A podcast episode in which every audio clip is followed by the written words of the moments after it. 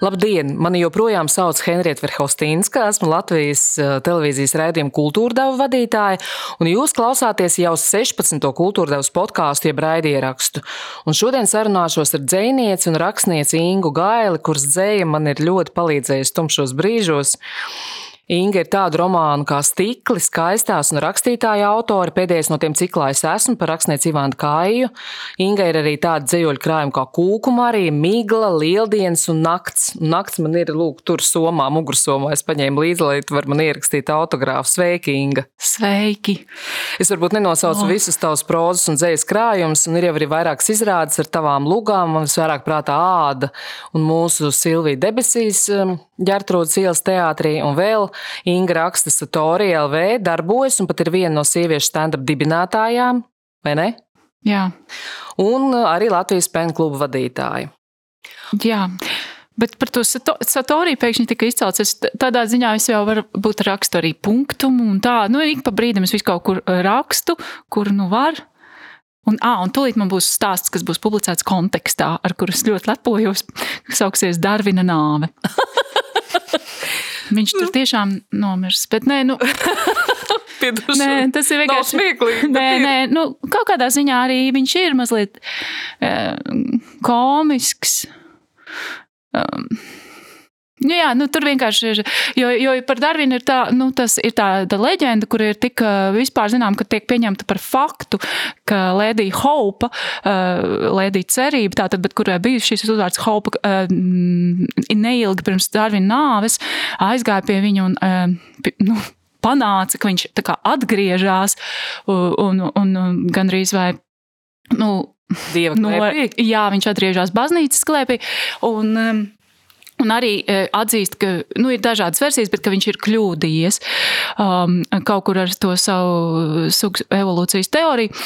Un, uh, tad, Un tad es sāku šo situāciju pētīt, un arī vispār, protams, ka man arī interesē tā Darvina sugu evolūcijas teorija, un, jo tas caur visiem maniem darbiem Nu, nu, vai vairāk caur skaistajām. Tur vispār bija tā, ka es skaistajās jau biju iekļāvusi tādu nelielu ainu par Darvinu nāvi.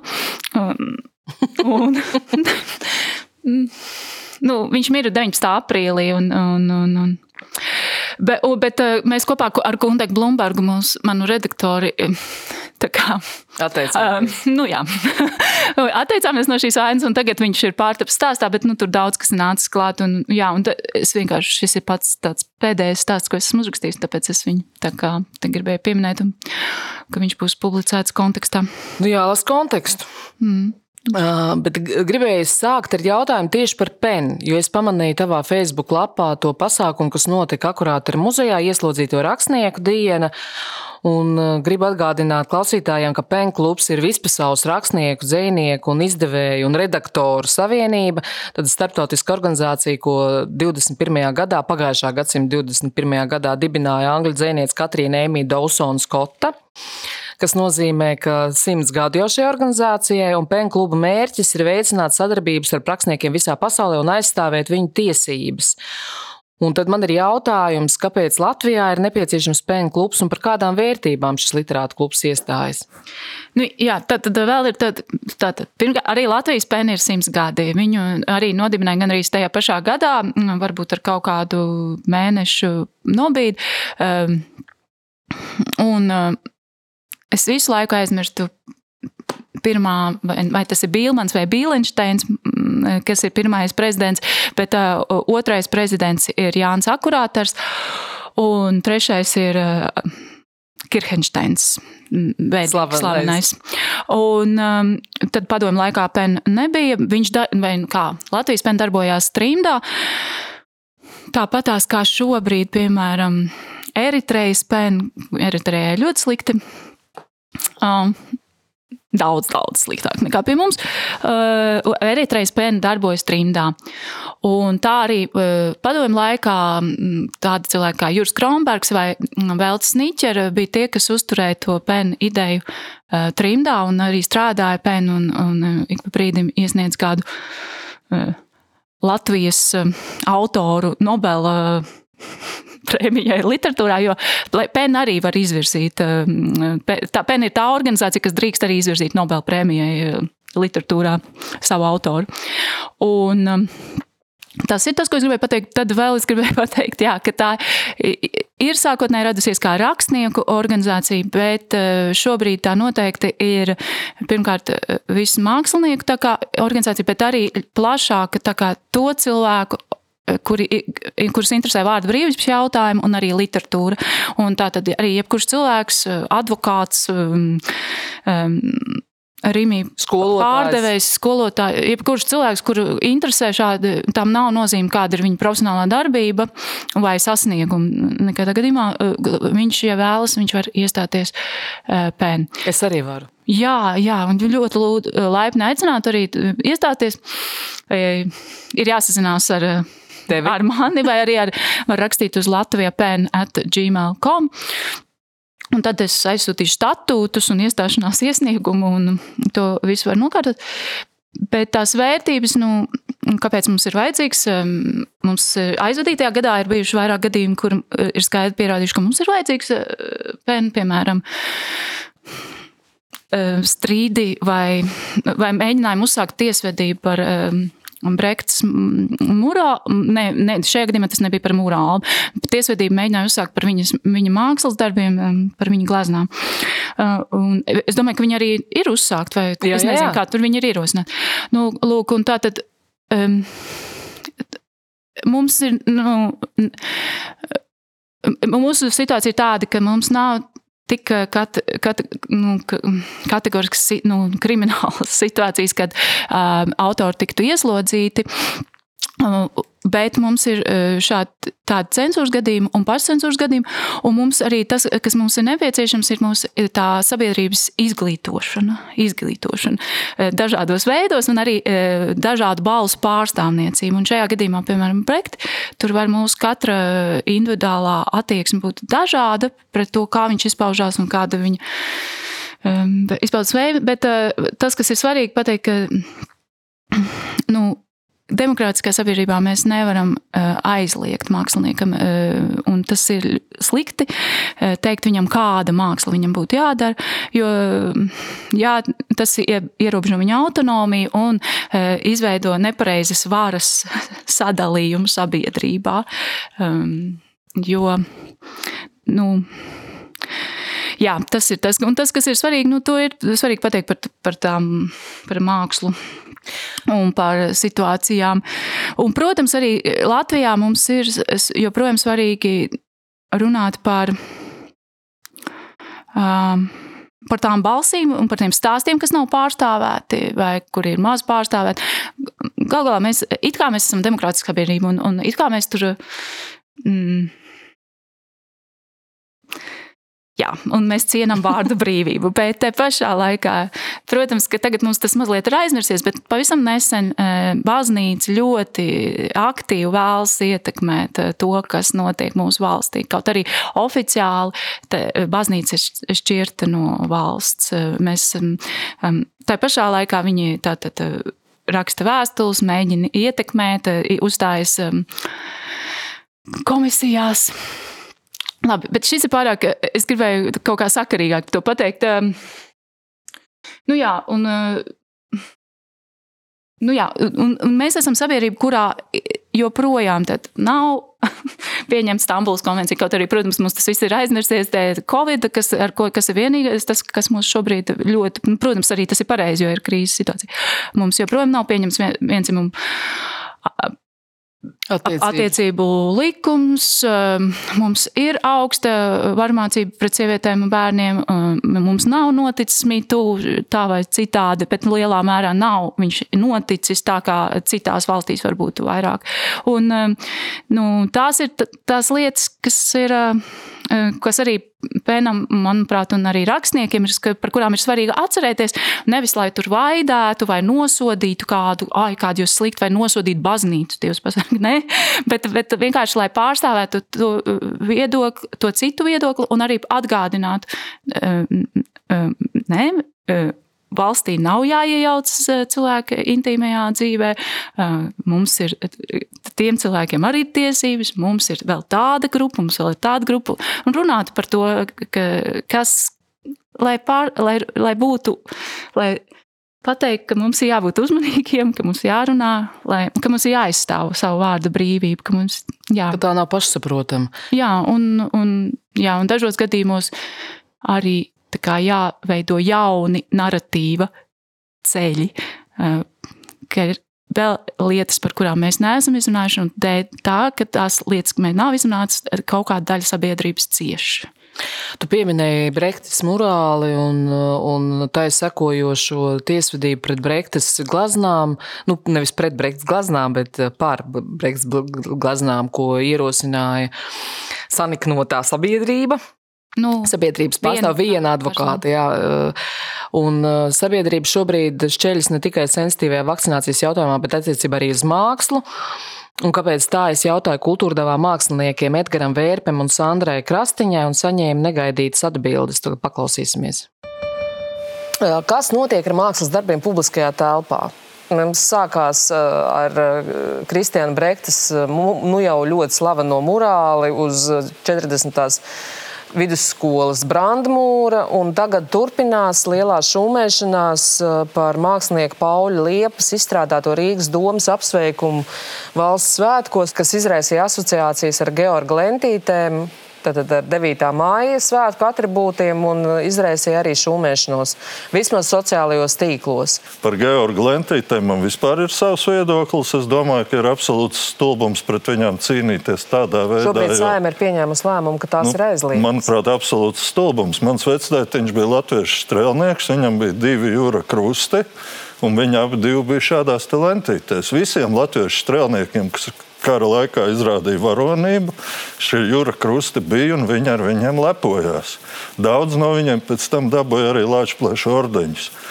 Tā kā pret šādām lietām ir jācīnās savādāk. Tas ir tāpat kā mēs nevaram vienu lentīti, kas ir teiksim, Pirmā pasaules karā piešķirta ordeņa par varonību ko Krievi, nu, Putina Krievija izmanto kā kaut kādu savu debīlu reklāmas līdzekli vai kaut ko tamlīdzīgu tādēļ nīcināt ārā no tautas atmiņas vispār. Viņai ir ļoti dažādas nozīmes, un tas attiecībā uz simboliem mūsdienās notiek ļoti bieži. Runājot par mākslu, tas vienkārši kā sabiedrība uz to reaģē, nozīmē, ka vizuālais attēls ir ļoti iedarbīgs. Un strādājot ar atpazīstamiem simboliem, gan autoriem, gan šī gadījumā Rīgas domas gadījumā pasūtītājiem, ir jāsaprot, ka spēcīgie simboli viņiem ir pašvērtība un viņus var nolasīt dažādi, un viņi nemaz nav tik pakļāvīgi. Kā tur augies uz to, cik lielā mērā māksliniekam ir jāiz, jāizskaitļo dažādas reakcijas, kas varētu būt uz viņu mākslas darbu, pirms to parādīt publiskajā telpā. Jo Anna Hēriksona savukārt eh, vienā citā kultūra devā teica, ka viņai radies iespējas, ka sabiedrība grib, lai mākslinieks sēž savās galerijās un izstāžu zālēs un labāk nenāk ar savu mākslu publiskajā telpā. Nu, atbildot uz to pirmo jautājumu, tā vispār nav jāizskaidro. Nu, nemaz. Um, mēs tāpatās jau esam mākslinieki. Tā paš, tas pašcensūras risks tik un tā ir milzīgs. It sevišķi mūsu sabiedrībā. Pirmkārt, mākslinieks jau tā ir jūtīgs, uh, uh, un mākslinieces ir jūtīgas.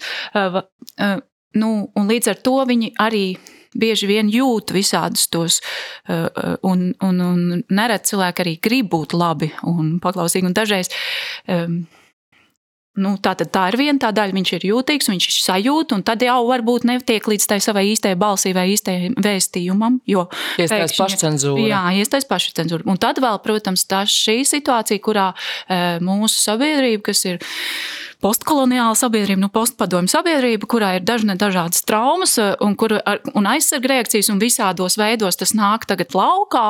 Um, Un, un, un, un, tad, tad tas vēl ir, kad kādam nepatiks, ar kādu būs. Un tad vēl trešā lieta, par ko es tikko iedomājos, ka mēs esam maza nācija, mums arī vēl no tā bail, ko tas tur padomās, kā es sastrīdēšos ar to recenzentu, kā es ne, nepatikšu vairāk tagad, ne, un Dievs pasarg man neizvirzīs spēlmeņa nakts balvēt, jo ja es šito te tagad runāšu, vai nu, kādai citai balvai, vai, vai tieši izvirzīs. Un, ko, nu, un taču visas šīs lietas, ar kurām māksliniekam jānodarbojas, vai, kas viņam nāk virsū un kas ir jāpārstrādā. Um, kas tāpatās būs. Neuztraucieties, viņas tāpat ir. Mākslinieks ar to do, viņš domā, neviens cil, mākslinieks nav, uh, domāju, nu, Es nevaru, nu, tagad tas ir vispārnams, bet neviens mākslinieks nav tāds, kurš domā, es tagad ar savu mākslas darbu ieriepšu tieši tev, vai es tagad izm... bērnus gribu pataisīt par uh, riebekļiem. Tas ir no multfilmām, tas ir kaut kādi ļaunie tēli no multfilmām, kur ir uh, savi citi likuma žanri. Neviens mākslinieks, es domāju, tā nedomā. Uh, Un tā tad ir jau visi šie pašcensūras riski. Un tā tad tieši tas ir tas mūsu arī, tas varbūt penu, bet arī citu mūsu uzdevums, eh, kas mēs runājam sabiedrībā, eh, skaļāk vai mazāk skaļāk. Tā kā eh, mazināt visus citus pašcensūras riskus, piemēram, teikt, ka nav ok iesūdzēt mākslinieku tiksā par viņa darbu nekādā veidā, ka viņš ir jāizstāv pat, ja mums darbs ir nepieņemams, pat, ja viņš e, mums izsauc kaut kādas ļoti negatīvas emocijas, pat, ja mēs negribam viņu rādīt saviem bērniem, tā var būt, bet mēs nedrīkstam teikt, e, šito nedrīkst rādīt nevienam bērnam. Protams, savā Twitterī mēs varam teikt visu kaut ko, bet mums ir jāmēģina tajā līmenī, kas ir Tātad valsts līmenis un, un arī dažādu noteikumu līmenis.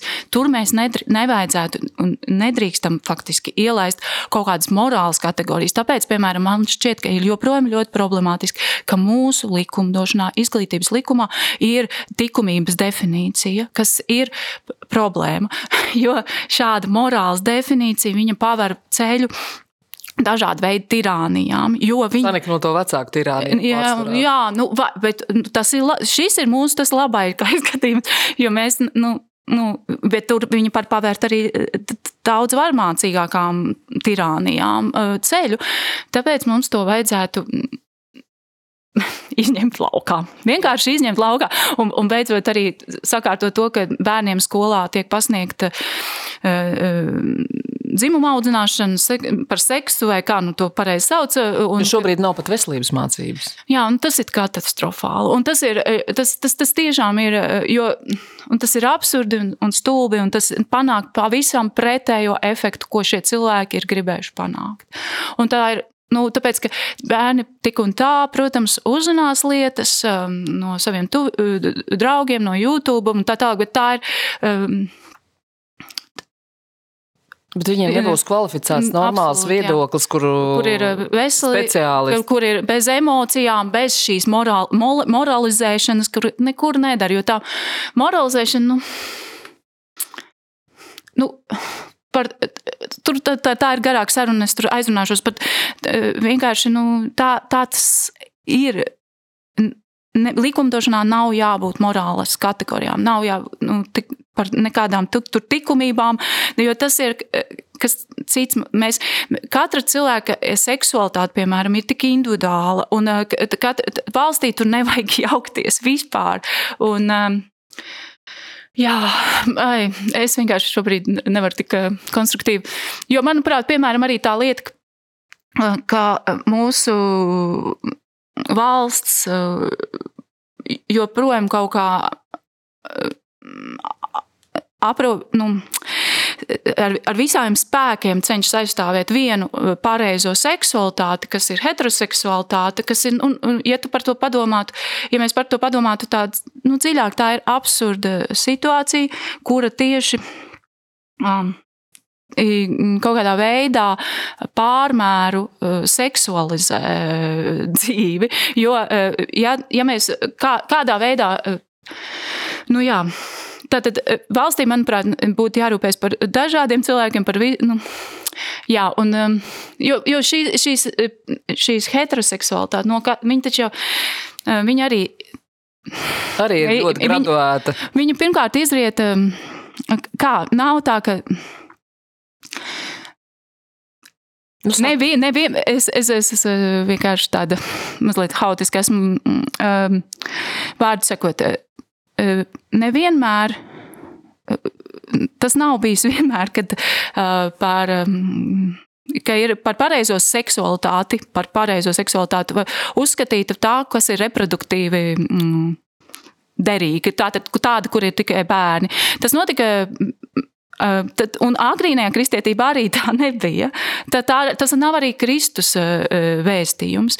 Jo pirmajā gadsimtā lielā mērā bija tāds Aleksandrijs Failo, kurš, kurš gribēja apvienot sengrieķu filozofiju un kristietību. Tas bija viņa tāds dzīves uzdevums, un viņš ir tas, kurš aktīvāk sāk runāt par to, ka jā, tas uh, seks, kas, kas ir dievam patīkams, ir tāds, kurā ir bērni.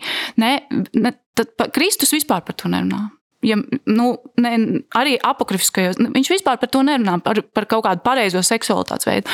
Tas ir tomēr cilvēku radīts, pat vienalga, kāda ir cilvēku attieksme pret uh, Kristu vai pret Dievu, vai viņi ir, vai viņi nebija, kas viņi bija pravieši un tā tālāk, bet tas ir uh, baznīcas uh, un nevis Kristus radīts mēsīčs par to, ka mums patīk tas seks, kura rezultātā rodas bērni. Tāpēc, ka uh, tā uh, runāšana par Sodomu un Gomoru kā uh, homoseksualitātes grēku ir radies um, arī tajā apmēram tajā pašā laikā.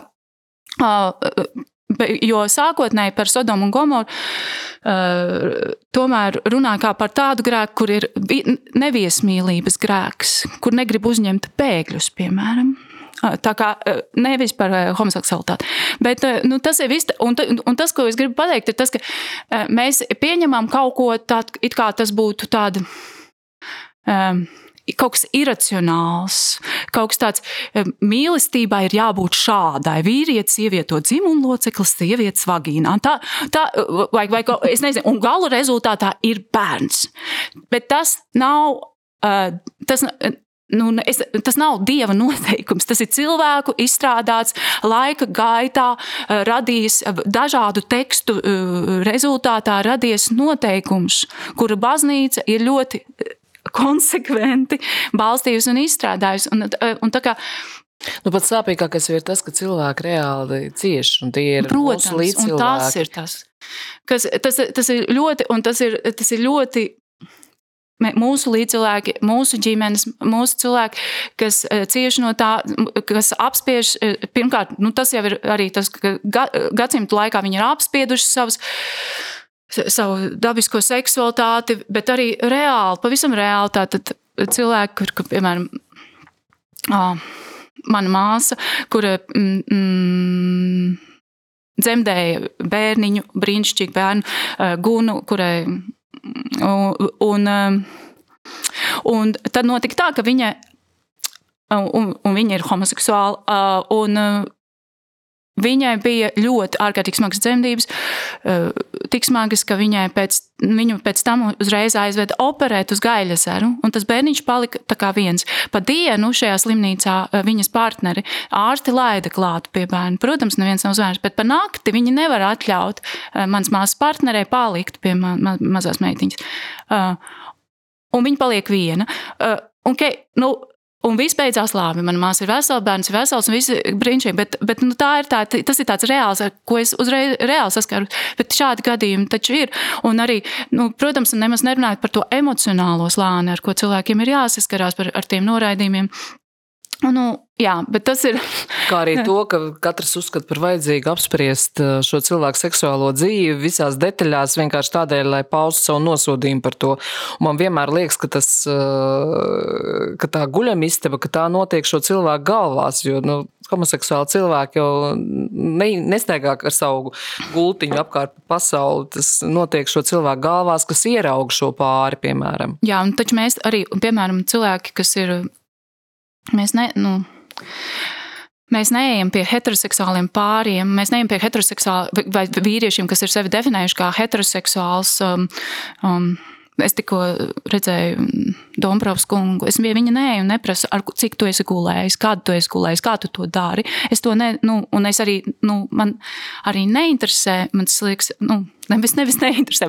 Tas, kas man interesē, tas ir cita lieta. Nu, kā es tur to, ar to daru, un tas ir tā lieta. Nu, tā mēs, nav doma, ar kur tu pamosties no rīta. nu, jā, bet es arī domāju, ka mēs ievērojam arī tos, nu, mēs, ievēr, mēs ievērojam. Oh, tās robežas. Pārsvarā mūsu sabiedrībā mēs ievērojam šīs robežas, bet ir bijis tā, ka mēs ievērojam heteroseksuālu vīriešu robežas. Un tas ir tas, kad, un, un, un, un, un, un to, ko es saredzu, ka mūsu sabiedrībā šur un tur visādās vietās ne, nu, to neheteroseksuālu vīriešu robežas. Ne. Tiek pārkāptas citu, tie, kas neiekļaujās šajā. Heteroseksuāls balts vīrietis, citas sieviešu, homoseksuālu cilvēku, cilvēku, kur negrib definēt savu seksualitāti, vai cilvēku, kuri nebināri pēc dzimtas, viņu robežas tiek pārkāptas, viņiem tiek uzdot nevajadzīgi jautājumi, vai arī viņi tiek diskriminēti. Um, dažādos, eh, visādos veidos. Un kāpēc es, piemēram, arī tik eh, haotiski un tāpēc, ka tās ir lietas, kur, par kurām pat ir grūti runāt, jo arī pat visa mūsu valoda ir cārās ar dažādiem eh, mistiskiem. Eh, uh, mistiskām diskriminācijas iespējām, bet uh, tik un tā runāt vajag. Uh, tā tad arī tas ir tas, ko es gribu pateikt, ka ir svarīgi arī, piemēram, kad cilvēki, kas runā, varbūt no sākuma mums šķiet, ka viņi tur runā nesakarīgi vai rupji vai stāsta savu stāstu kaut kādā dīvainā veidā, bet tās, kas ir mūsu sabiedrības uzdevums, ir ieklausīties un klausīties. Runājot par diskrimināciju, Vakar izlasīju Facebookā Vesterda Šimkus rakstu, kur viņš rakstīja par to, ka viņam ir liekts koncertēt Cēzu koncerta zālē ar testu, ko viņš būtu bijis gatavs darīt. Viņš nevēlas vakcinēties, bet viņš ir gatavs uztaisīt testu, un tātad drošā attālumā no šīs vakcinētās publikas ir gatavs koncertēt. Viņam tas šobrīd ir liekts. Vai tu saskati šī brīža situācijā, runājot par nevakcinētajiem, kas ir, man liekas, šobrīd tāds visasākais sabiedrības strīdu sābols, arī kaut kādas diskriminācijas iezīmes? Nu, Nu, ļoti sarežģīti. Tas ir ļoti sarežģīti. Uh, bet, nu, es domāju, es, es nezinu, es, ne, es, neesmu, es nelasīju arī to Vestarda rakstu, neesmu lasījis Vestarda rakstu. Um, tas, kas man nāk prātā uzreiz, ir tas, ka mums vajadzētu mēģināt būt tā kā saprotošiem katram individuāli un mēģināt izprast to cilvēku viedokli, kuri ne, nevēlas vakcinēties. Un arī mēģināt kā, arī izglītot sabiedrību mēģināt kā, paskatīties, kā tas ir. Um, arī citās postpadomju valstīs, un cik ļoti grūti ir varbūt sabiedrībai, kur ilgstoši ir dzīvojusi valstī, kurā obligātais ir arī melīgs, nu, kur valsts noteikumi ir. Nu, jau ideoloģiski ļoti iekrāsoti, un kur, me, kur vienkārši faktiski nav iespējams būt patiesam cilvēkam, nu, mēs runājam par padomu savienību, patiesam cilvēkam un vienlaikus lojālajam valstī. Šobrīd tas ir, ir mainījies tomēr. Un, Un, bet tā pašā laikā psiholoģiski jau mēs esam tie nu, paši cilvēki, mēs esam tur uzauguši, mēs, mums ļoti grūti. Un, un mēģināt par šo domāt, par to, kādas, kādas ir tās mūsu veidi. Nu, nu, Bet, um, un tā pašā laikā ir krīze.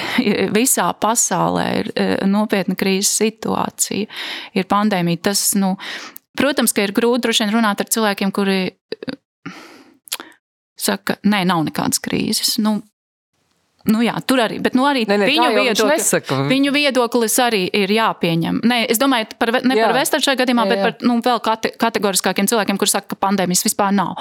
Nu, okay, eh, arī viņu viedoklis, nu, acīm redzot, ir jāpieņem. Bet, Es nezinu, nu, tā pašā. Nu, es domāju, ka ir krīze, un tā tad ir, ir tās tomēr medmāsas un ārsti, kuri dien dienā saskat, saskarās ar traģēdijām, ir cilvēki, kuriem tā tad mirst Mm, draugi, radi un vecāki. Un, un, um, un es, es saprotu, ka visā šajā krīzē uh, valsts uh, mēģina palīdzēt saviem pilsoņiem. Un es to saskatu, ka, jā, ka viņi kļūdās. Un, ne, ne, ne, un godīgi sakot, es esmu. Paskatījusies, un es, nav tā, ka tikai mūsu kļūdās. Kļūdās šobrīd šajā krīzē gandrīz visi daži, dažādu valstu mm, vadītāji, viņi mēģina. Un, un, un tas, ko es saskatu, ir tas, ka mēs mēģinam un kļūdāmies, un, bet tomēr es redzu, ka valsts mēģina kaut kā palīdzēt saviem pilsoņiem. Un um, piedāvā bezmaksas vakcināciju, um, informē, atkal piedāvā un mēģina rūpēties par to, lai šī um, slimība tad, tad atkal neizplatītos tālāk. Um, Tā pašā laikā, protams, es domāju, ka pieauguši cilvēki viņiem ir tiesības uz savu autonomiju un uz saviem viedokļiem. Un, un es, nu, bet tā pašā laikā, tad Vestards, nu, ja ir tāds Nu, es nezinu, vai viņi to ir paredzējuši. To, tāds noteikums, ka viņš nevar nevakcinēts uzstāties koncertā. Es domāju, ka viņam tad ir jāpieņem tas kā sava savas izvēles blaknes, un viņš nevar uzstāties koncertā. Jo viņa, es, es cienu viņa izvēli, ok, viņam ir tāda izvēle, viņa viedoklis, bet, um, bet ja nu, tur nav paredzēts, jo tiešām, ko mēs visi varam paredzēt šajā jaunajā situācijā, nu, es nezinu. Nu, Um, Nu, nu, ir jau arī tie, tie nu, kā, es domāju, tur Vesteram pašam vajadzētu ar savu sirdsapziņu kaut kā, kā viņš domā, jo, jo, jo na, ir arī tā, ka, cik es saprotu, tomēr viņš var ne tikai, nu, jā, nu, viņš uztaisīt to testu, bet viņš var būt pārnēsātājs, un, un es arī domāju, nu, kāpēc tad uh, citi cilvēki, kuri netaisa testu, nevar aiziet uz apģērbu veikalu, bet viņš varēs koncertu. Nu, vai, vai arī kāpēc citi cilvēki, piemēram, tiek atlaisti un skolotāji tiek atlaisti no darba, ja viņi ir iz, viņu izvēle. Tas ir tas lielais jautājums. Jā, un lūk, tad es domāju, ka Vestartam, nu, ja ir tāds noteikums. Jā. Nu, tas ir arī tā, kā, ja es saku, dodiet Cēzaram to, kas Cēzaram pienāks, un, un Dievam to, kas Dievam pienāks. Es nu, šajā gadījumā domāju, nu, jā, tev nepatīk tie noteikumi, e, tu nesaskati viņu vajadzību, bet tu dzīvo šajā valstī. Un tev viņiem ir jāpatīk. Nu, es domāju, jā, un es, piemēram, personīgi arī domāju, ka tie noteikumi ir, ir ok, un es redzu, kā viņi cīnās, un kā, ka, ka mm. es saprotu, ka, kāpēc tas ir nepieciešams. Nu, jā, tā pašā laikā es, protams, nedomāju, ka, ka cilvēkiem vajadzētu viņu apsaukāt un, un, un pazemot visādos eh, stulbos veidos. Tam tas vispār ir muļķīgi, bet nu, tā atkal ir tā cilvēku, to cilvēku autonomija, kuri ar savām dusmām izrēģē savas dusmas, kā nu viņi eh, prot. Nu, tas ir bēdīgi skatīties, cik ļoti sašķeļas medicīniski jautājumi dēļ, cik ļoti var sašķelties viena sabiedrība un ka tiešām tur tas savstarpējais naids un apvainojumi, un, un man tas ir eh, grūti uz to noskatīties. Nu, protams, bet arī tas man šķiet, ir. Nu, nu, mums nav viegli. Mēs neesam tāda viegla sabiedrība. Mums tas mūsu liktenis ir tāds. Un, nu, bet redzi, nu, nu jā, un tas ir tas, ka. Um, Kaut kas tur ir arī par to mākslu. Nu, arī tai sievietei, kas ies, iesniedza to, viņai ir grūti noskatīties uz Brektas eh, glāznām. Viņai ir tiesības eh, paust savu viedokli, bet. Nu jā, es, es pēkšņi atkal pazaudēju. Uh, Mēs par to nu, šķelšanu. Nu, jā, nu, un, un, un savstarpējiem nu, apvainojumiem. Aizliegt. Uh, vi, nu, ir tā, man šķiet, tas nonāca pie tās domas, ka visa ļautība nav laba, bet aizliegt mēs to nevaram. mēs to nedrīkstam. Tā ir tā, tā, tā, tā kā tas. Un tad mums jāmeklē katram pašam savi droši vien tie resursi, kā mēs parūpējamies par sevi šajās situācijās, kurās mums ir grūti, kurās ir grūti noskatīties uz, uz to, kā cilvēki lamājas, vai runā muļķības, vai dara to, kas mums nepatīk.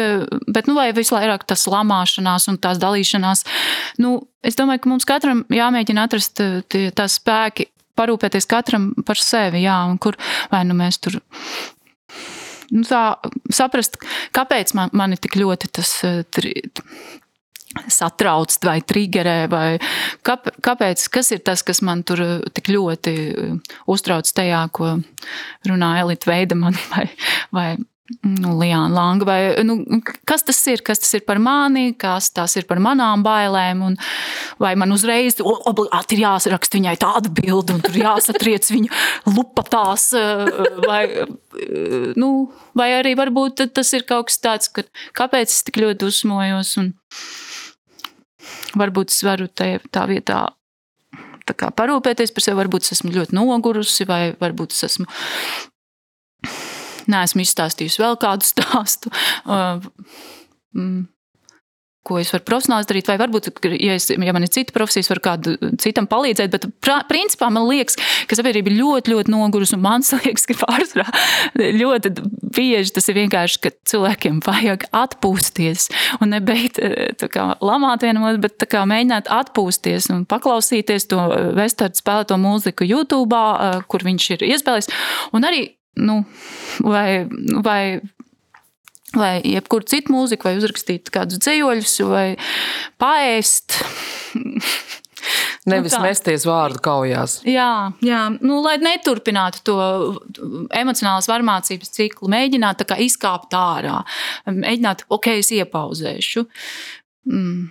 Vai tiešām pasaule neiztiks bez šī mana viedokļa. viedokļa un šīs manas patiesības, vai, vai viņa kaut ko mainīs, vai viņa kādam palīdzēs. Varbūt to var pajautāt, vai tas kādam bez manis, vēl bez manas tās emocionālā iekšējā bērna, kurš tur raustās, vai tas vēl kādam palīdzēs, vai tas palīdzēs tikai man, ka es tur izkliekšos. Un izkliekšanās vispār ir ļoti svarīga lieta, protams, bet varbūt to vajag darīt Mežā. Mežā, jā, vai nezinu, studijā, vai kaut kur, kur tas nenodara vēl veselai grupai pāri, kurš ne, kur tas vilnis ne, atkal nesākās. Es kliedzu, un tad tāds otrs kliedz, un tad mēs visi kliedzam. Tas, um, Jā. Inga, es gribu tagad pāriet no sabiedriskā uz uh, personisko, un proti uz dzēju, un nolasīt vienu dzējoli no tava krājuma nakts, kas saucās Brūce. Mm -hmm. Ummi, Šī ezera sāpju potenciāls ir neizsmeļams. Apaļā brūce šķiet ar katru dienu jo dziļāka, tomēr šķidrums, kas izplūst no tās, arvien dziļāks un dziļāks, debesu atstiņa, brūcīta mana un smilgas. Man šis liekas ļoti raksturīgs dzīvos, jo tajā ir gan skaistums, gan smeldze, gan vienlaikus arī sāpes, un arī kaut kas šķietam nepatīkams, šis šķidrums, kas sūcās no brūces. Jā. Vai tu spēji savu dzēju iedomāties bez sāpēm? Oh. Nu, jā, es uzreiz iedomājos par mildas lietu. Tur nav pārāk daudz sāpju. Tur tā kā erotisms vairāk. Nu, un analīzē arī nav baigi daudz uh, sāpju. Jā, vārds sakot, atbildīs, ir jā, es spēju.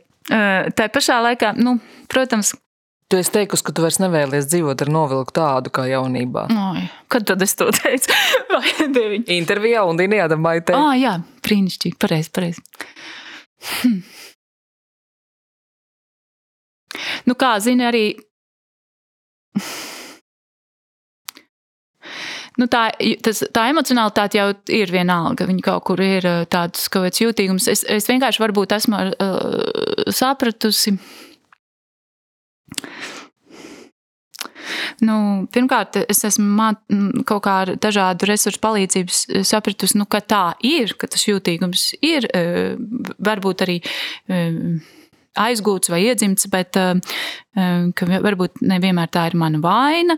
Otrakārt, esmu iemācījusies kaut kā mazliet to nu, kontrolēt. Un, un tā kā nu, tagad tiešām man jāatpūšas. Eh, protams, ka tajā ir arī tas resurss. Tā jūtīgumā un atkālināt. Jā, nu, protams. Galu. Viņā ir tas resurs, ar kuru tur var atrast tos runāšanu un spēju pastāstīt to stāstu. Bet, nu jā, man tur nav tāds, nu, man nav tāda receptes šobrīd, ko pateikt, jo, nu, vienkārši tā ir. Es tā kā esmu vairāk mācījusies sev iepazīt. Zinu, kā ir. Nu, es joprojām, piemēram, šobrīd es arī mūlstu, jo es zinu, ka es esmu nogurusi, jo no vakardienas tā, tiem braucieniem es braucu uz drūvienu. Tas bija absurdi un brīnišķīgi. Bet, um, Un arī nu, dažādi apstākļi, es, un, un līdz ar to es esmu haotiskāka. Es esmu diezgan jūtīga. Šobrīd es arī esmu haotiskāka. Es nevaru tik labi izteikt, lietas, bet ok, nu tā ir. Nu, tas tā ir. Nu, cit, un es zinu, ka man vajag atpūsties, un es zinu, ka man vajag. Tā, nu, Jā, tu, nu tāds, ka es esmu iepazinusi sev uh, vairāk. Bet, um, Ko tu um, dari, lai atpūtos, lai atpūstos starp citu? Jā. Bet vienkārši gulēt ar kājām gaisā un skaties seriālus vai, vai, vai skaties mm. plogu. Jā. Um, es īsti. Nu, es, es gribu. Es, es, es dažreiz skatos seriālus, es gribu skatīties seriālus, bet tur arī man tā kā viņi. Nu jā, tur arī jābūt tai robežai, bet es skatos, piemēram, tagad skatos seriālu Wire. Mm. Uh, esmu sākusi skatīties. Es... Tad tu atpūties. Jā, bišķi, es tur atpūtos. Es, nu, gulēt man, eh, nu, es, es joprojām esmu tajā. Es domāju, ka man vajadzētu vairāk atpūsties, un man vajag ieplānot vairāk atpūšanās.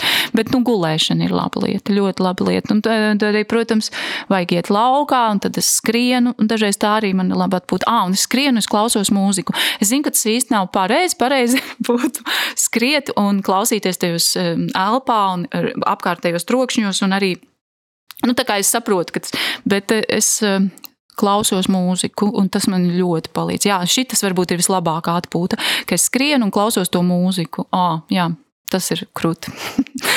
jā. Bet es domāju, ko šodien nozīmē būt dziniekam, salīdzinot ar to laiku, kad dzinieki bija Imants Ziedonis, Ojārs Vācietis, Monta Kroma. Kad, kad, kad tas bija tas viņa dzīslis laiks, un, un kāds tas ir tagad? Jo man e, uzrunāja arī tas, ko Ilmārs Šlāpins, e, kas ir arī PEN valdes loceklis, e, teica. Tā, kad atjaunoja PEN Latvijā, viņš teica, ka tur, es tur precīzi nocitēšu, ka Latvijā PEN varētu vairot un izmantot rakstnieku kolektīvo autoritāti. Kopš padomu laikiem tā ir kritusies, taču joprojām vārdam ir spēks, un tas ir jāizmanto. Un vai tas var sasaistīt ar dzīsnieku vietu šodien? Nu, redz, zin kā, es domāju, nē, nu, tas ir tāds mērķis, um, netiešais mērķis. Jo tieši man šķiet, to nevar darīt. Nu, Tagad mēs vairosim mūsu autoritāti, un tagad mēs divreiz dienā postēsim Facebookā, cik um, Nu, Ilmārs var... Šlāpins ir labs dzinieks, vai, nu, vai, vai, vai, Inga Gēla varana meitene, um, sieviete. Bet, um, Nu jā, bet tādā veidā, kā popularizēt cilvēku, dzinieku un literātu izteikumus, vai popularizēt, ko viņi dara šobrīd, nu, tādā veidā, protams, tas var to Bet es domāju, ka tā autoritātes um, spodrināšana vispār, um, kaut kāda cilvēka autoritātes spodrināšana, vairāk piestāv autoritāriem režīmiem. Nu, Tāda kā mērķis, mūsu mērķis, vai arī reklāmai, vai nu, tie, kā kapitālismam, kas reklamē produktu. Zināmi zināmas pazīmes jau ir arī mum, nu, mums, citiem cilvēkiem, kam varbūt tas kapitālisms ne tik ļoti, vai autoritārisms. Mēs arī reklamējam, stāstam par to, kas ir mūsu darbi. Vai, bet, bet tā vispār, nu, tā autoritāte, es domāju, ka,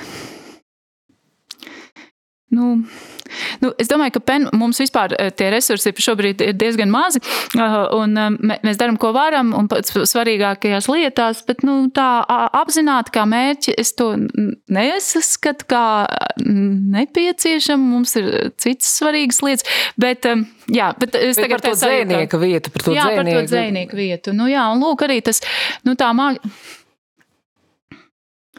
Nu, lūk, pirmkārt, jau mūsu sabiedrība, kurai pirmkārt nepatīk arī, ka viņiem mākslīgi pasaka, kas jums ir tagad jāciena. Un, un nevienam jau tas nepatīk, pieaugušam cilvēkam. Un, um, bet, um,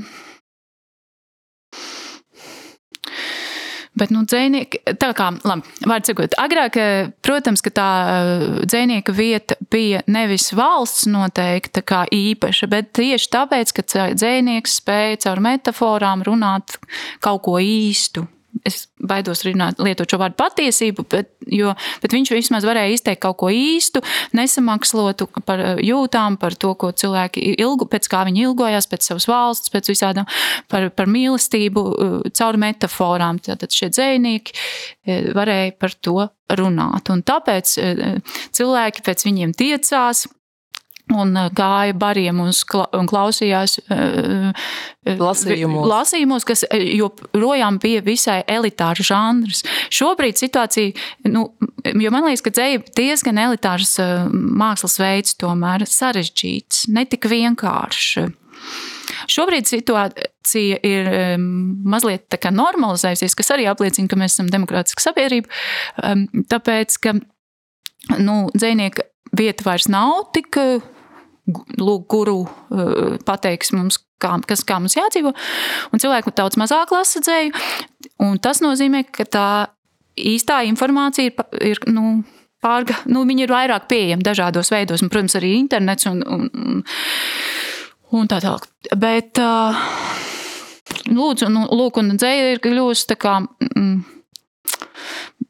bet, um, nu, tā pašā laikā, piemēram, nu, joprojām, protams, ir tā, tie jautājumi, par kuriem mēs joprojām mm, nu, dzējojam. dzējojam, vai kurus ir svarīgi. Nu, par, es domāju, ka cilvēki ir svarīgi, nu, cilvēkiem joprojām ir kaut kādi jautājumi, kas viņus ļoti var uzrunāt arī, un kas nav, kas nav izsakāmi tātad saistītā tekstā vai noteikumos. Lūk, um, lai Jūlijas Stepaņenko varbūt var uzrakstīt cejoli par to, ko viņi izjūt par likumību, vai kā bērni jāaudzina. Lūk, tur pilnīgi ok. Tāpēc kā man vienmēr ir šķits, ka viesturs rudzīts, piemēram, nu, tas gan var rakstīt brīnišķīgus romānus, dēturu, un viņu, mēs viņu pat aizstāvēsim, ja kāds kaut ko viņam neļaus e, e, rakstīt par dzemdēm. Viņš jau ir sarakstījis ļoti daudz grāmatu.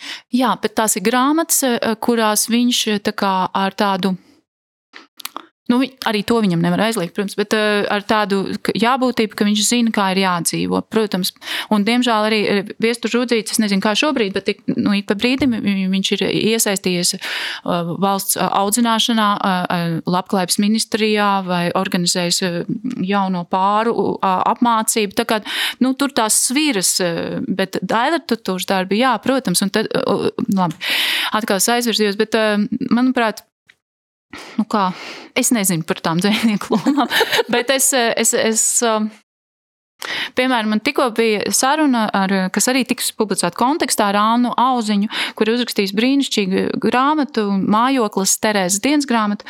Manuprāt, ļoti svarīga grāmata.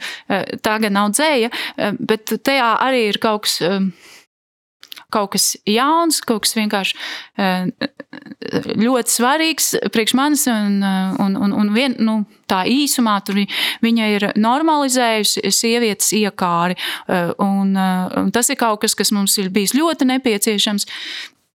Bet, ja Ja, un, un kas ir ļoti svarīgs. Un tā kā, un tā, tur es redzu to dzīsnieka, nu, ja mēs varam runāt par to, kāda ir tā dzīsnieka sabiedriskā loma, eh, tad, nu, lūk, viņa ir eh, dzēni, bet, bet tai pašā laikā mēs nevaram nekādu noteiktu, ne valsts līmenī, kā lūgt dzīsnieku tagad raksti par to, kas mums tur par vienzimumu pāriem. Tas nav, tā, tas nestrādā, tā nedrīkst. Tā tas nestrādā. Um, un, un, un, nu, es domāju, ka valsts mm, loma ir um, tajā, ka pēc iespējas nodrošināt saviem pilsoņiem iespēju atrast savas īstās balsis un runāt viņās. Un arī, piemēram, dzēniekiem vai māksliniekiem nodrošināt to situāciju, kurā viņi drošā situācijā var nebaidoties tikt galā ar pašcensūru un pastāstīt tos svarīgos stāstus un, un sabiedrības dažādas daļas iekļaujošos stāstus. Kādu dzēju lasu ikdienā? Okay. Nē, jā, jā, es tam citu lasu, lasu. Jā. Es arī. Man ļoti patīk lasīt dzēju. Tas, ir, jā. tas, tas man dod pilnīgi kaut ko atšķirīgu nekā prozas lasīšana. Jā, es baidos vienkārši, ka tā pasmējos, tāpēc, ka es kaut kā baigi esmu nu, profesionalizējusies tajā lasīšanā, un es Bet nē, nu, es tagad sapratu, ka es, piemēram, neesmu lasījusi, kā nogalināt lakstīgu, un, uh, un to es tagad lasu angliski, un es tur varētu pat teikt, ka es tur tā kā atpūšos. Kaut arī brīd, ik pa brīdim tur ieslēdzas tas uh, profesionālais tāds, ah, šitā, ok, šitā, viņi tik asketiski, ah, un tagad nodaļās sadalīts, bet, nu, es mēģinu to nolikt malā. Bet par dzēju kādas lasu. Uh, tad, tad tas būs atkal mazliet profesionāli. Nu, Obligātajā literatūrā mums būs jauna sērija, un tur būs Joelas eh, Tayloras dzēja. Joela Taylora ir tāda dzēniece, amerikāņu, un eh, es esmu viņu pēdējo lasījis. Viņa nu, ir ļoti sociāli mm, asa un te pašā laikā emocionāla. Mm, tad, no viņas krājuma The Songs My Enemy Taught Me, un būs atzējojusi Raimonda Arāja, tāda jauna dzēniece. Un Natālija Diazu es esmu arī lasījusi, kuru būs atzējusi Edvards Kuks mums priekš obligātās literatūras. Kuram pašam brīnišķīgi dzīvo. Jā, jā, šo mm, brīnišķīgu debiju. Un um, ko es vēl esmu tagad lasījusi? um, Au, tad es lasīju, jā, un tas bija forši. Tas bija kā, mazliet personīgāk un cilvēcīgāk. Es biju te Somijā, Tartu, un tur ir iznākusi tāda grāmata. Tartu ir Igaunijā. Uf, turku, jā. Ah. Tartu, turku viena lieta. nu, Somi. Turku. turku. Es biju tur uz dzējas festivālā ar Valtu Erenšu šeit kopā, un tur um, bija arī visu Latvijas, uh, latviešu, Latvijas mīlētā Helija Lākonena Lāksanena. Lāksanena. Lāksanena. Un viņa ir izdevusi kopā ar Gunteru Godiņu um, tādu grāmatu, kur ir Aleksandra Čaka dzējoļi un Helija atbildes uz uh, viņiem. Tāda maza grāmatiņa, bet tur, es tajā turku gaidot savu uzstāšanos, kur viss notika somiski, un es pārāk nepārvaldu. es lasīju tos čaka dzējojus. Ak, debestiņu, tas bija tik skaisti. Protams, es kaut kad viņas biju lasījis, bet nu, tas čaks ir, e, jā, brīnišķīgs. Um, un, tur, un tur atkal varētu runāt par to. Jā, kaut kāda tur, kā, kā ir ar to, kad, nu, un kaut kā tajā talantā, piemēram, tur kaut kādas mizogīnās lietas, kas tur mazliet ir, uh, varbūt. Viņš jau jūsmo un, par tām sievietēm, kā nu tajā laikā bija pieņemts to darīt. Nu, jā, bet, lūk, bet tas, ko es gribēju pateikt, ir tas, ka tajā talanta spēkā tas viss tā kā iekrā, nu, tik un tā ir ļoti spēcīgs. Pat ja tur ir tā lieta. Un tas, nu, kā, kā ir, tā ir. Un, un, un tas ir brīnišķīgi. Jā, čaka, jā čaku es biju lasījusi nesen. Skaisti. Starp tavu pirmo dzīslu krājumu laiks bija iemīlējies, un starp pirmo romānu stikli ir 17 gadi, es saskaitīju. Aha. Un tā tad, kā tu sāki rakstīt prózu? Kā tu no dzīsnieces pārtapi rakstniecei? Vai tu vienkārši pieaugi, vai, vai kas notika? Oi, nē, nē, nu šito es dzējai nevaru nodarīt. Es tik un tā domāju, ka dzēja ir žanru žanrs. Tā kā varbūt vēl mūzika, bet uh, kas ir. Bet nu, man mūzika nav tik. Es, tāpat kā matemātika, piemēram, kaut kas, kas priekš manis ir kaut kas tāds uh, tik šausmīgi vilinošs, bet es tā saprotu, ka ar savu uh, dotumu komplektu es to nevarēšu pacelt. To, piemēram, matemātiku mūziku. Tā kā, bet, nu, tad eh, ir ja man, manā vērtību kategorijā kaut kas tāds apbrīnojams. Un, un tad ir dzēja. Dzēja, man liekas, ir. Nu, labi. Es negribu ne, neko, tu, nu, es negribu tā, tādus vērtējumus, bet dzēja noteikti nav tikai tā kā kaut kāda jaunības emociju izgrūšana. Tur ir dažādi resursi jaunībā, kāpēc iespējams var veiksmīgi rakstīt dzēju, bet tas nenozīmē, ka tas nav iespējams vēlākā vecuma posmā. Tur arī ir dažādas lietas, bet, piemēram, mūsu brīnišķīgās Gunta Šnipke vai um, Daina Sirmā, kuru pirmie krājumi iznāca, nu, kuras tā kā nu, lielākā vecuma posmā ir uh, spoži debitējušas, vai uh, Gunta, man liekas, debitēja agrāk, bet, uh, nu, jā, bet pēkšņi parādījās un raksta ļoti jauneklīgu un spēcīgu dzēju. Bet kā es to izdarīju? Kā nu, tu kļuvi par prozu, prozaīķi? Vai, nu, tā tad. Uh, Jo tagad jau ir gan daudz to prozas krājumu un, un romānu. Jā, un es gribēju te pieminēt arī, man ir arī detektīva romāns neredzamie. To Jā. visi vienmēr aizmirst. Bet labi, labi, labi, tas jau tāds, nu nē, bet tas, tas nav joks. Tur var visādi domāt, kāpēc, kā un kā. Pirmā daļa vispār ir diezgan ok. um, labi, bet kā tas notika? Nu, tad, kad jau es izdevu mīglu, uh, Nu, tur ir dažādi aspekti, bet, eh, kad es izdevu mīklu, tur pēc eh, dažādām mm, reakcijām. Un ne tikai pēc reakcijām, bet bija skaidrs, ka Miglā jau varēja, es Miglā jau gribēju, man bija svarīgāk, pat, ko pateikt, nevis kā pateikt. Tad pēc tam es atkal savācos un mēģināju to formu, atkal kaut kur citos krājumos strādāt ar viņu vairāk, bet Mīglā man bija svarīgi pateikt. Un, um, un tad es droši vien kaut kā netika apzināti, bet eh, manī iekšā bija tas, nu, ka es gribu izstāstīt stāstus. Bet tad otrs vēl arī tas um, prozaiskā dzīves sadaļa ir tā, ka nu, es gribēju dzīvot no rakstniecības un gribēju eh, kā nestrādāt citus darbus. Ar dzēju tas ir visai grūti. arī ar jebkuru rakstniecību ir visai grūti Latvijā, jo mums ir mazs tirgus. Bet, nu, lūk, un tad es gribēju, bet es arī gribēju izstāstīt tos stāstus. Nu, protams, varbūt arī tur ir tas kaut kāda ietekme arī tam nu, sabiedrības vērtējumam, nu, tā kā, labi, labi, tu esi dzēnieks, un tagad tu esi normāli rakstniece. Nu. tā, kad tu uzrakstīji to pirmo nopietnu grāmatu, tas ir stikli, jo tas ir tur, nu, tāpēc, ka tas ir vienkāršāks. Nu, tas vienkāršākais žanrs tomēr ir pieejams plašākai auditorijai. Varbūt es gribēju vai, ar vairāk cilvēkiem parunāt. Tā ir tā lieta, varbūt. Nekādā veidā nevērtējot, kas ir labāk vai sliktāk, bet es gribēju to. Un tad visādi tie um, notikumi. Bet um, nu, es jau biju piedalījusies prozas lasījumos pirms tam ar um, kaut kādiem stāstiem. Es neatceros, kā tur notika, vai es pati pieteicos, ka es gribētu uzrakstīt. Man liekas, ka bija tā, ka es pati pieteicos, ka es gribētu uzrakstīt stāstu, vai viņi man paņēma, viņi paņēma man. Tas, man liekas, bija 2010. gadā Vecmāmiņu stāsts bija. Bet tad 2012. gadā, tajā pašā gadā, kad iznāca Mīgla, es uzrakstīju tos piena ceļus. Un, un tur es dabūju prozas lasījumu galveno balvu, un tas, protams, bija milzīgs iedrošinājums, ka es varu rakstīt eh, prozu. Bet tie piena ceļi vispār radās kā pasūtījuma darbs, un brīvdabas muzejs man pasūtīja. Un tas bija atkal izrietēji no tā, ka es gribēju nopelnīt ar rakstīšanu. Un es teicu visam, kas, kuri man prasīja, vai tu mums uzrakstīsi. Un brīvdabas muzejs man piezvanīja. Jā. jā, un es apmēram visur teicu, jā. Un pie Rīvdabas muzejs man piezīmēja un teica, ka mm, viņiem vajag uzrakstīt par piena traukiem.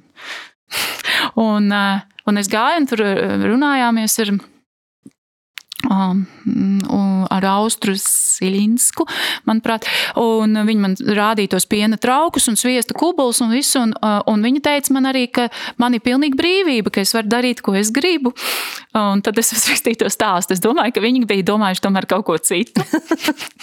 Bet, nu, šā vai tā viņi pieņēma to, kā, un, un arī Latviju tekstos Tie piena ceļi ir nopublicēti ar, tieši ar to, ka tas ir Latvijas Brīvdabas muzeja pasūtījums eh, šajā, šī projekta ietvaros. Um, mm, nu jā, un, bet tajā piena ceļu rašanās laikā es arī kaut kā sapratu kaut ko par stāstu, mazliet par to, cik. Eh, kad, jo viņi, pie, viņi tā kā man piedzima, jo vairāk es pētīju, un jo vairāk es skatījos uz tiem piena, piena traukiem, uh, un tā kā bija tajā atmosfērā. Un, Un tad viņi, viņi tad stāsts kaut kā atnāca pie manis un, uh, caur tiem traukiem. Un tad es kaut ko sapratu par, mazliet par prózu, iemācījos, ka cik svarīgi tomēr ir tā izpēta, piemēram. Pat ja viņa neparādās romānā vai stāstā, pat ja viņa tur nepa, tad tomēr tas process, kamēr tu dzīvo ar tiem varoņiem vai ar to, kā, kā ir svarīgi sastrādāt to vidi. Nu tā, un tad, um, un tad jau pēc tam bija tā, ka vēl visādas rakstīšanas, un Guntegai Repšējas uzrakstīja grāmatam ievadu, kas arī laikam nebija īsti. Nu, tieši tas, ko Dārcis vai Guntega bija gaidījis, bet viņām tik un tā patika. Un tad Dacīta sparāna man piezvanīja un arī teica, vai es negribu uzrakstīt romānu. nu, tad es teicu arī, ka es jā, gribu uzrakstīt romānu, kaut arī, protams, kā es to izdarīšu. Man nebija ne mazākās nojausmas. Varbūt tajā brīdī kaut arī zināju uzreiz, par ko es gribu rakstīt. Tāpēc tur. Um, Tādā, nu, jā. tādā rakstīšanas brīdī, ar ko prozas darba rakstīšana atšķiras no dzējoļu uzrakstīšanas? Mm -hmm. Nu, kā ir tā, ka um, um, nu, dzīvē var uzrakstīt ātrāk. Tas ir Henrieta. pat uh, pat uh, Tomas Sternē uh, Veistland var uzrakstīt ātrāk nekā it kā, nu, tehniski pierakstīt. Nu, labi, labi, es jokoju. Bet, um, nē, nu, taisnīgi. Nē, nu, Nu, tehniski viņi var pierakstīt ātrāk, tā pašā laikā starp eh, rindām var būt tikpat daudz, eh, vai, starp, eh, vai tas ieguldītais darbs var būt tikpat intensīvs vai, vai ilgs. Hmm. Kā tur ir? Nu, es nezinu, godīgi sakot, es, nevaru, es vēl nevaru tā, tā kā. Um, ir, ir atšķirība. Un, um, um, protams, bet. Um,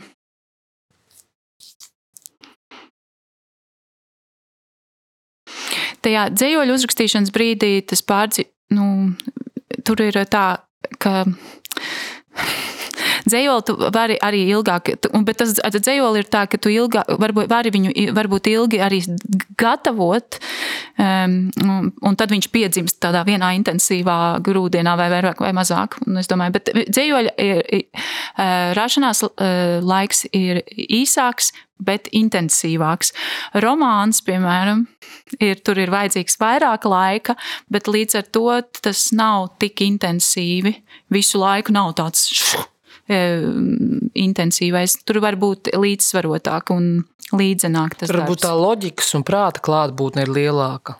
Jā, nu, tur nu, visādi man iet. Bet, um, nu, jā, nu, nu, tur to, to es mācos, piemēram, arī. Kaut arī Nu, lūk, un tas ir arī. Es, es, es, es visu laiku domāju par to, par ko mēs runājam ar Annu. Un, mm, auziņu. Jo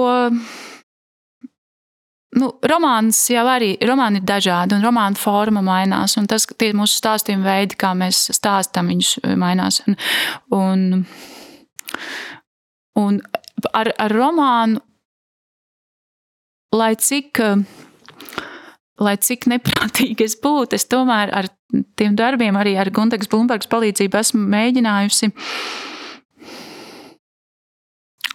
kā, iekļauties tajā Uh, lai ir saprotami, lai, lai, lai cilvēki saprot un arī lai, nu, iekļauties tajā esošajā struktūrā, kā it kā jābūt. Un es nezinu, varbūt tas nav nemaz tik labi. Nu, labi vai nu, slikti. Tā disciplinētība varbūt arī nemaz nav slikta dažkārt. Jā, jā, disciplinētība darbā noteikti nav slikta. Tas, kā, kā ir jāstrādā, kā ir jāstrādā, tas jā, bet, bet drīzāk tas mērķis, kādu formu es gribu iegūt, vai cik saprotam es gribu būt, tas, tas ir tas jautājums, par kur. Jo ar Annu sarunām tātad mēs. Viņa pieņem, pieminēja kādu Amerikas, amerikāņu dzēnieci vai teorētiķi, kura runā par to, ka ka sieviešu Labi, šis varbūt būs jāizgriež, bet jo es, es nemāku tik labi noprast. Kā vārds sakot, piemēram, ka si, mēs pieņemam, ka dažreiz, piemēram, sieviešu runātajā, kur, kur vi, tie darbi ir glīti vai saprotami un nu, tādi neemocionāli, ne, ne, ne ka, tur, ka tur viņa ir tā kā laba rakstniece, bet tā teorētiķi domā par to, ka tieši ka tie varbūt ir darbi, kurā nevis, ka tur, viņa, ka tur ir tie ir darbi, kurā trūkst viņas sievišķīguma, kurā ir nu, tā, tas viņas miesiskums kaut kā ierobežots un iegrožots tajā jābūtībā, kā mēs saskatām, kādiem romāniem, piemēram, ir jābūt. Jo, jo, jo tā patriarchāla mūsu sabiedrība tomēr ir diezgan, nu, ir diezgan strikti. Mēs, mēs zinām, kādiem ir jābūt romāniem, kādiem jābūt stāstiem, kāds, kādam jābūt narratīvam. Un tad, kad parādās kaut kas pilnīgi kreizī vai, vai nepareizi, tad mēs tā atkal sakam, nu nē, tas mums nav saprotami. Kas tas ir? Kas tas ir?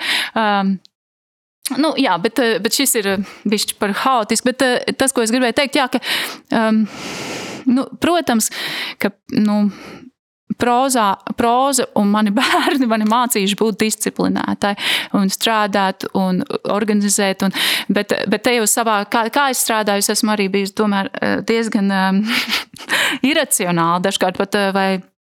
Kaut arī es ļoti daudz laika vētu, izp, veltu izpētēju, un arī Bet, piemēram, es izmantoju tādu metodi ar stikliem. Tas bija visvairāk, kā uz lieliem, lielām lapām sarakstīt savu varoņu vārdus un notikumus, kas ar viņiem notiek, un sakarināt ap, apkārt sev telpā, un cer, cerēt, ka viņi kaut kā manī iesūksies. U, jo, jo, jo stiklus es uzrakstīju tad, kad teodēzija bija pavisam nu, nu, maza, un es viņu baroju paralēli un, un guldināju, un tas bija, bija sarežģīti. Un, un, tad es, un tad kaut kā tās jā, tās apzīmētās lapas, eh, no viņām es cerēju, ka manī kaut kas viss ienāks iekšā.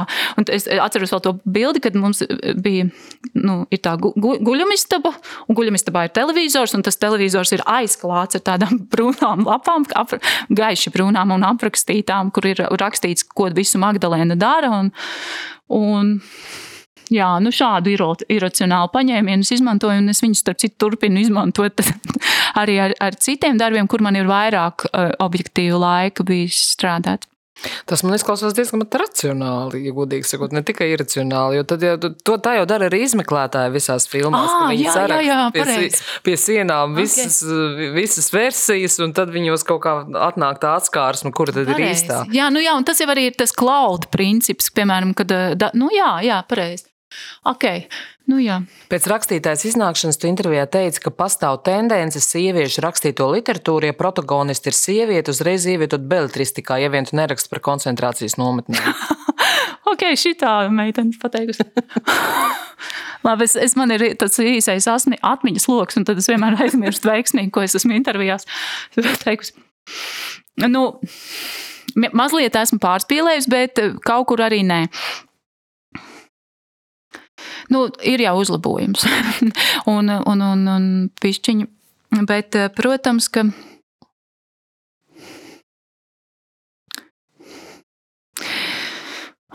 Nu, kā lai par to saka?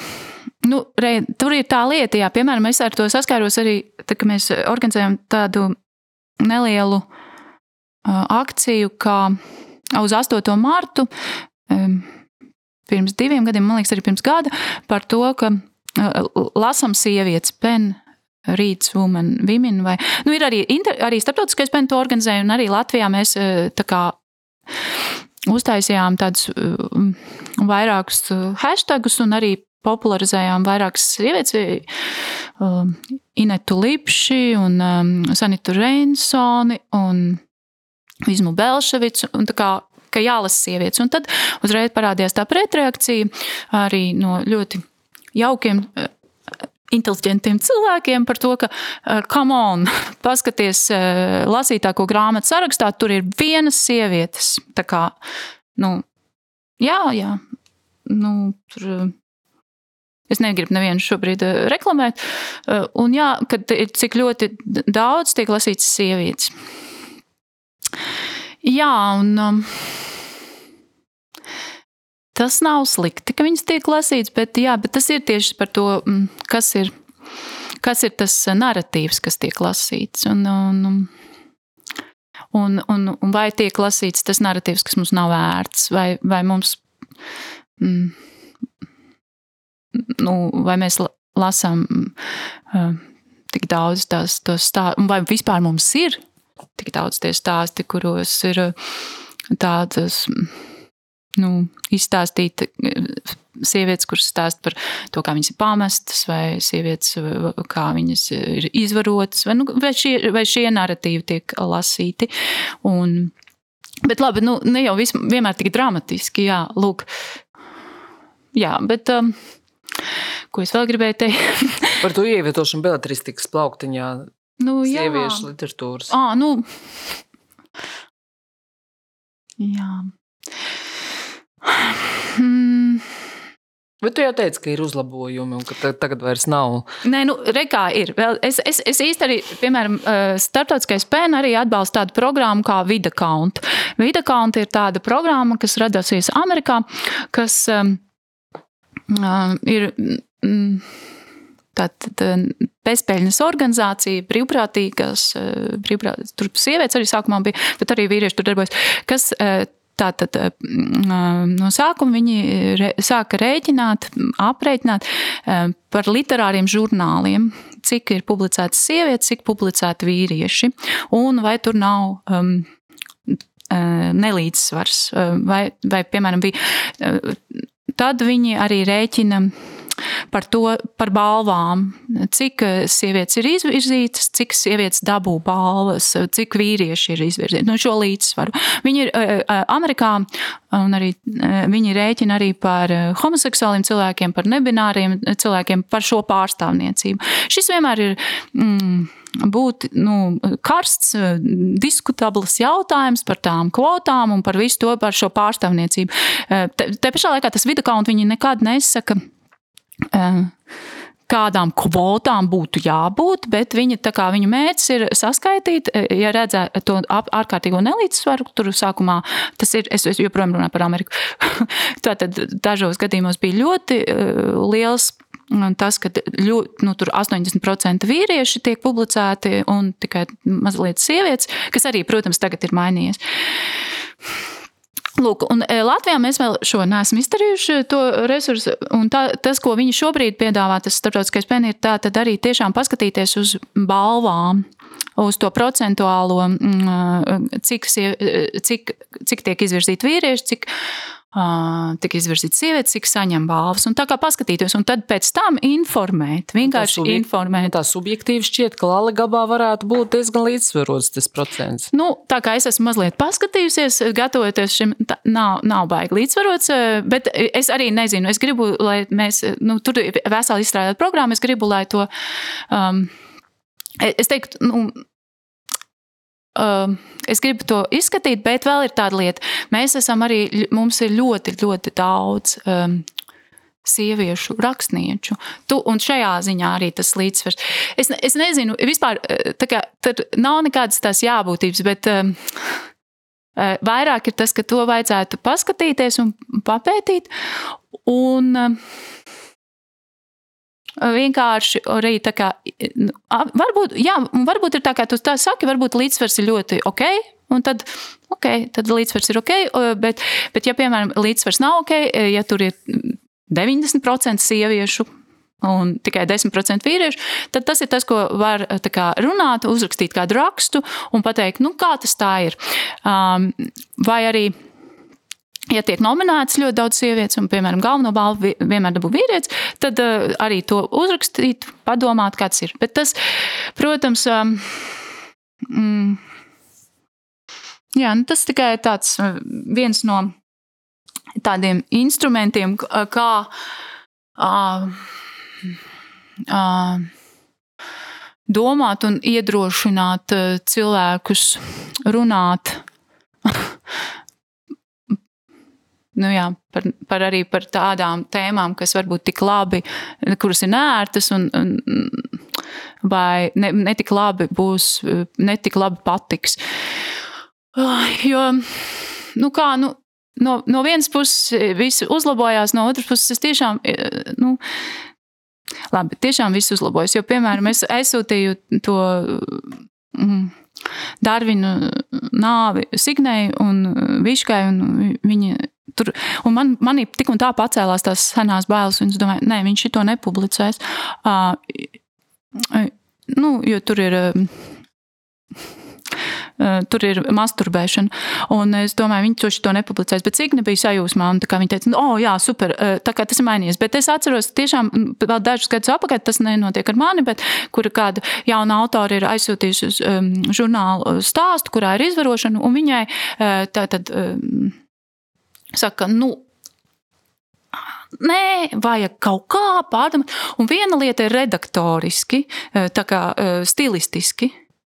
Un, un tad es domāju, ka tas, tās izmaiņas ir tajā, ka es domāju, ka šobrīd vairs, es ceru, ka nē, ja kāds.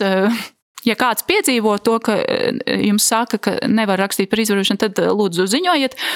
Bet es domāju, ka šobrīd vairs tā nenotiek, un kad tik atklāti, ka nē, mēs šito nepublicēsim. Bet tas ir ļoti svaigs vēl. Un, un tas, ka mēs visas tur esam, mēs tur esam, mēs, mēs jau visas esam tā vai citādi piedzīvojušas eh, tiešus vai netiešus norādījumus, par ko nevajadzētu rakstīt. Un tas ir mūsos, un tā cīņa ar pašcensūru notiek katru dienu. Arī, un es arī pat, nu, Es arī domāju, piemēram, arī par šo stāstu. Es domāju, nē, droši vien, ka negribēs publicēt. Kaut arī tās ir iracionālas bailes, bet viņām, viņas nav radušās neskur. Es neesmu viņas izdomājusi no sava oh, nevaltāmā emocionālā rakstura.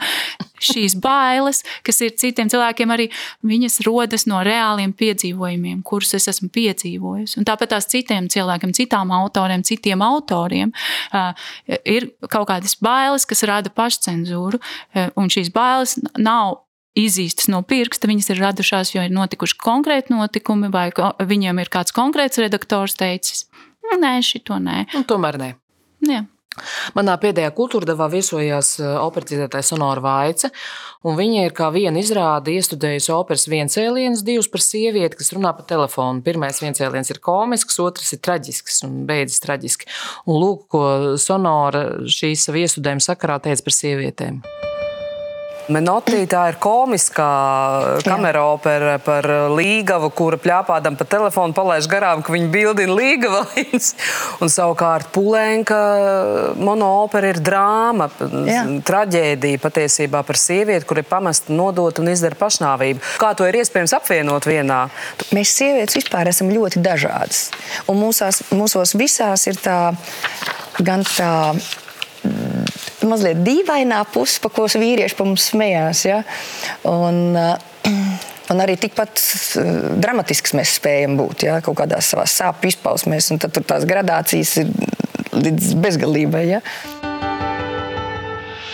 Kā tu, pie, tu piekrīti šādam sievietes raksturojumam, ka mūsos ir gan tas komiskais, par ko iesmē vīrieši, gan arī šis dramatiskais? Nu, bišķiņ, tas tā kā nu, dzīvnieciņu raksturojums. Nu, cilvēki ir ļoti dažādi. Cilvēki ir ļoti dažādi.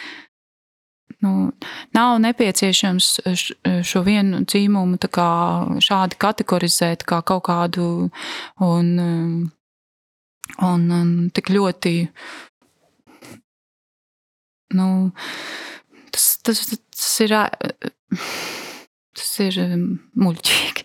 Nē, nu, bet es saprotu, ko Sonora domā. Nu, viņa, nu, viņa varēja varbūt ne tik ļoti vispārnāt, bet nu, jā, tā, viņas varona, nu, kā dažādi. Nu, protams, ka cilvēki ir dažādi. Nu, nu, Ai, nu, viņa uzsvēra, ka tieši sievietē ir šis, šī milzīgā amplitūda starp smieklīgo un traģisko. Nu, jā, jo sievietes ir ļoti talantīgas, protams.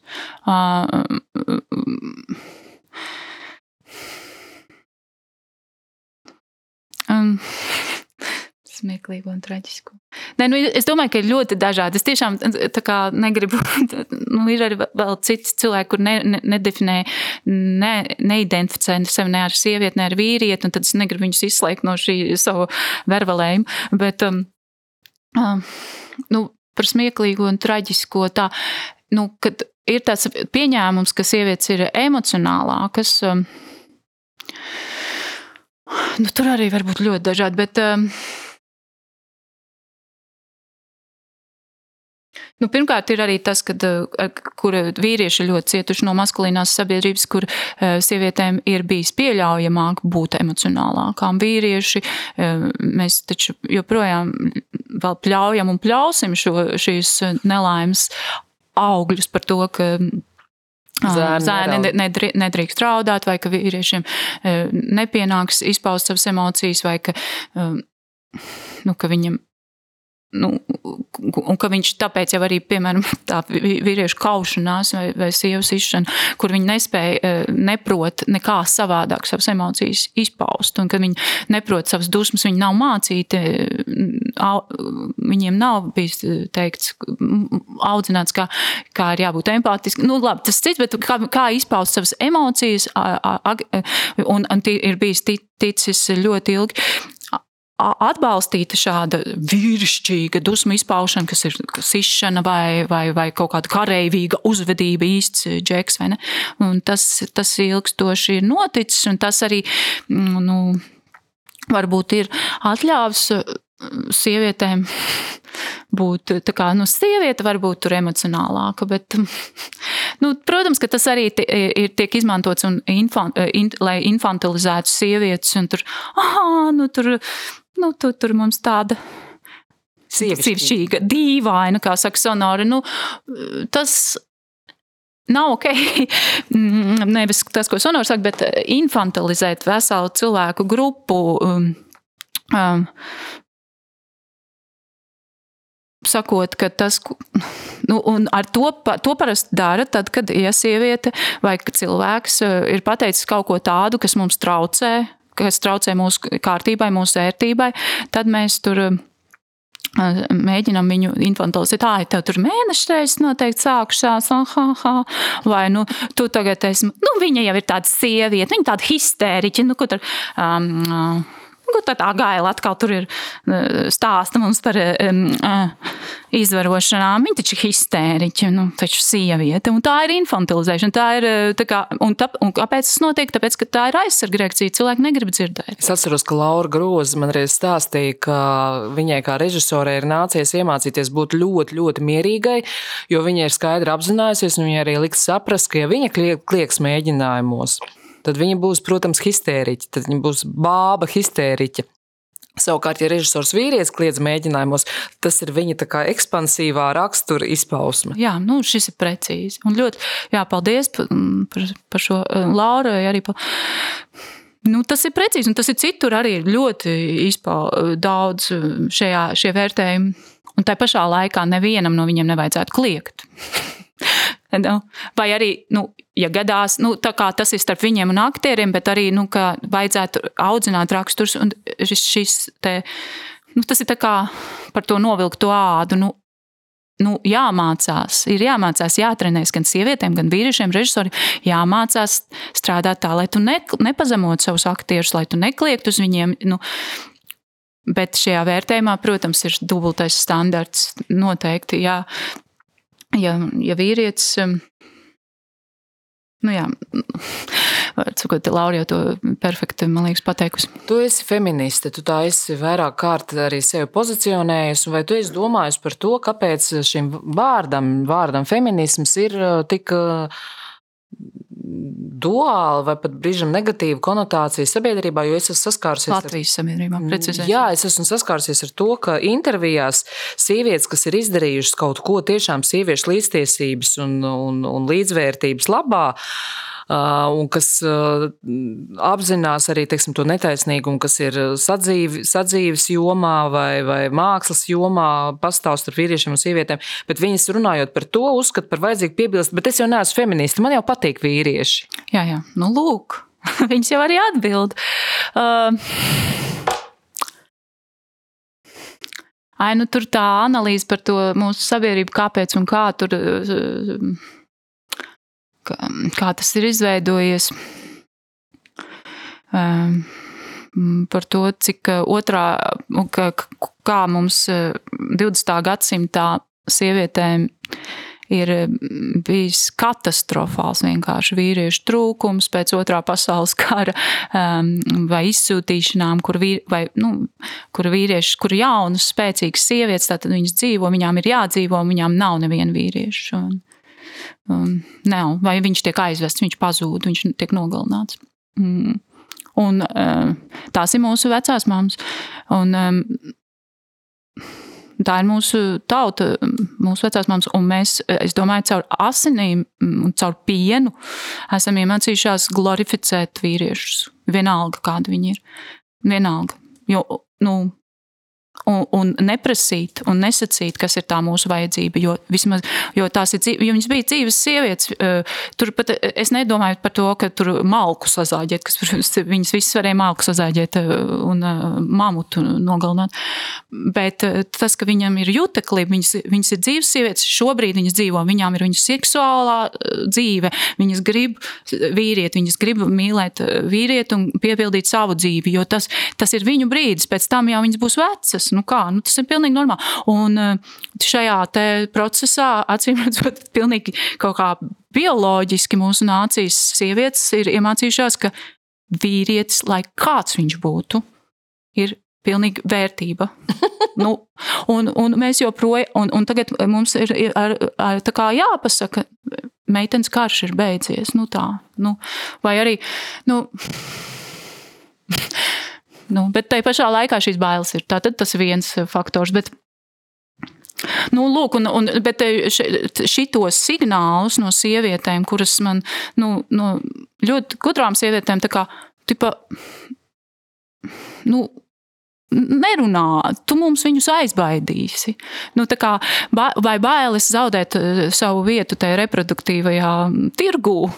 Es domāju, ka tas ir viens no lieliem iemesliem, kāpēc Latvijā sievietes Pat ja viņas ir feministas, tur no nav variantu.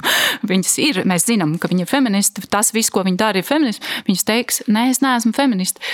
Nu, un tad tas otrs ir, protams, tas nu, neizglītotais, tāds uz sienām rakstīšanas līmeņa feminismu skaidrojums, un nu, ka nav vienkārši skaidrs, ko tas nozīmē.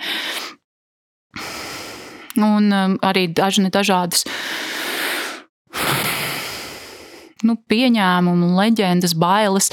Nu, Galu galā nu, cilvēki Cilvēkiem ir savas dzīves, un viņiem nav laika mēģināt tur izprast, un tāpēc viņi pieņem, piemēram, pieņem tādu skaidrojumu, kā ebreji dzēr bērnu asinis. Un, un viss, nu, un visi feministas grib nogriezt visiem vīriešiem vai nogalināt visus vīriešus. Nu, tā, tas ir muļķības. Nu, protams, ārprātīgas muļķības.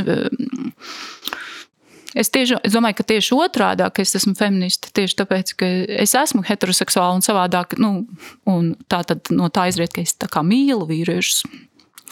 Bet Nu jā, un es, es, es par šo domāju, jo man, es arī aizbraucu uz laukiem, tad, vai, vai ne, tikai uz laukiem, bet visu ik pa brīdim šis jautājums tā ir nu, tāds degošs. Inga, kā tu vari būt feminists? Vai nu, tas tur ir implicēts? Kā... Es atceros, man vienā sieviešu žurnālā bija intervija, un es teicu, ka es esmu feministe. Tu esi feministe. Pilnīgi nu, čukstas pajautā. It kā es būtu kaut ko aizliegts pateikt. Nu jā. Nu jā, un, nu, tas ir fantastiski. Paldies. Jā.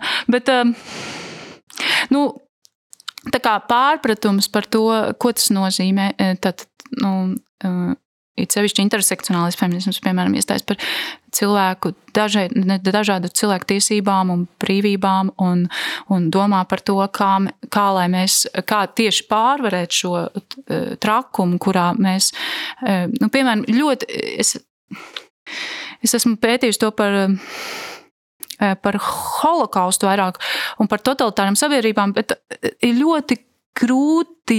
Ir tādi pētījumi, kuri um, pēta arī ne, nes, nesenos holokaustus, piemēram, Ruandas vai kā tiem cilvēkiem, kas ir iekšā tajā.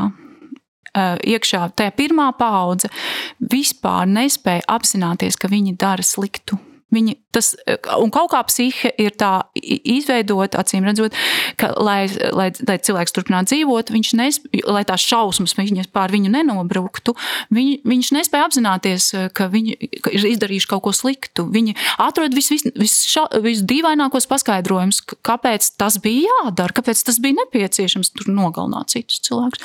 Un tā, tā, tā, tie cilvēki, kas dzīvo iekšā diskriminācijā, es domāju, arī nespēja apzināties. Un tur tajā pētījumā bija teikts, ka trešā paudze, tikai trešā paudze var sākt tā kā, ā, sākt apzināties, bet tik un tā viņi vēl attaisno, piemēram, arī holokausts vai genocīds.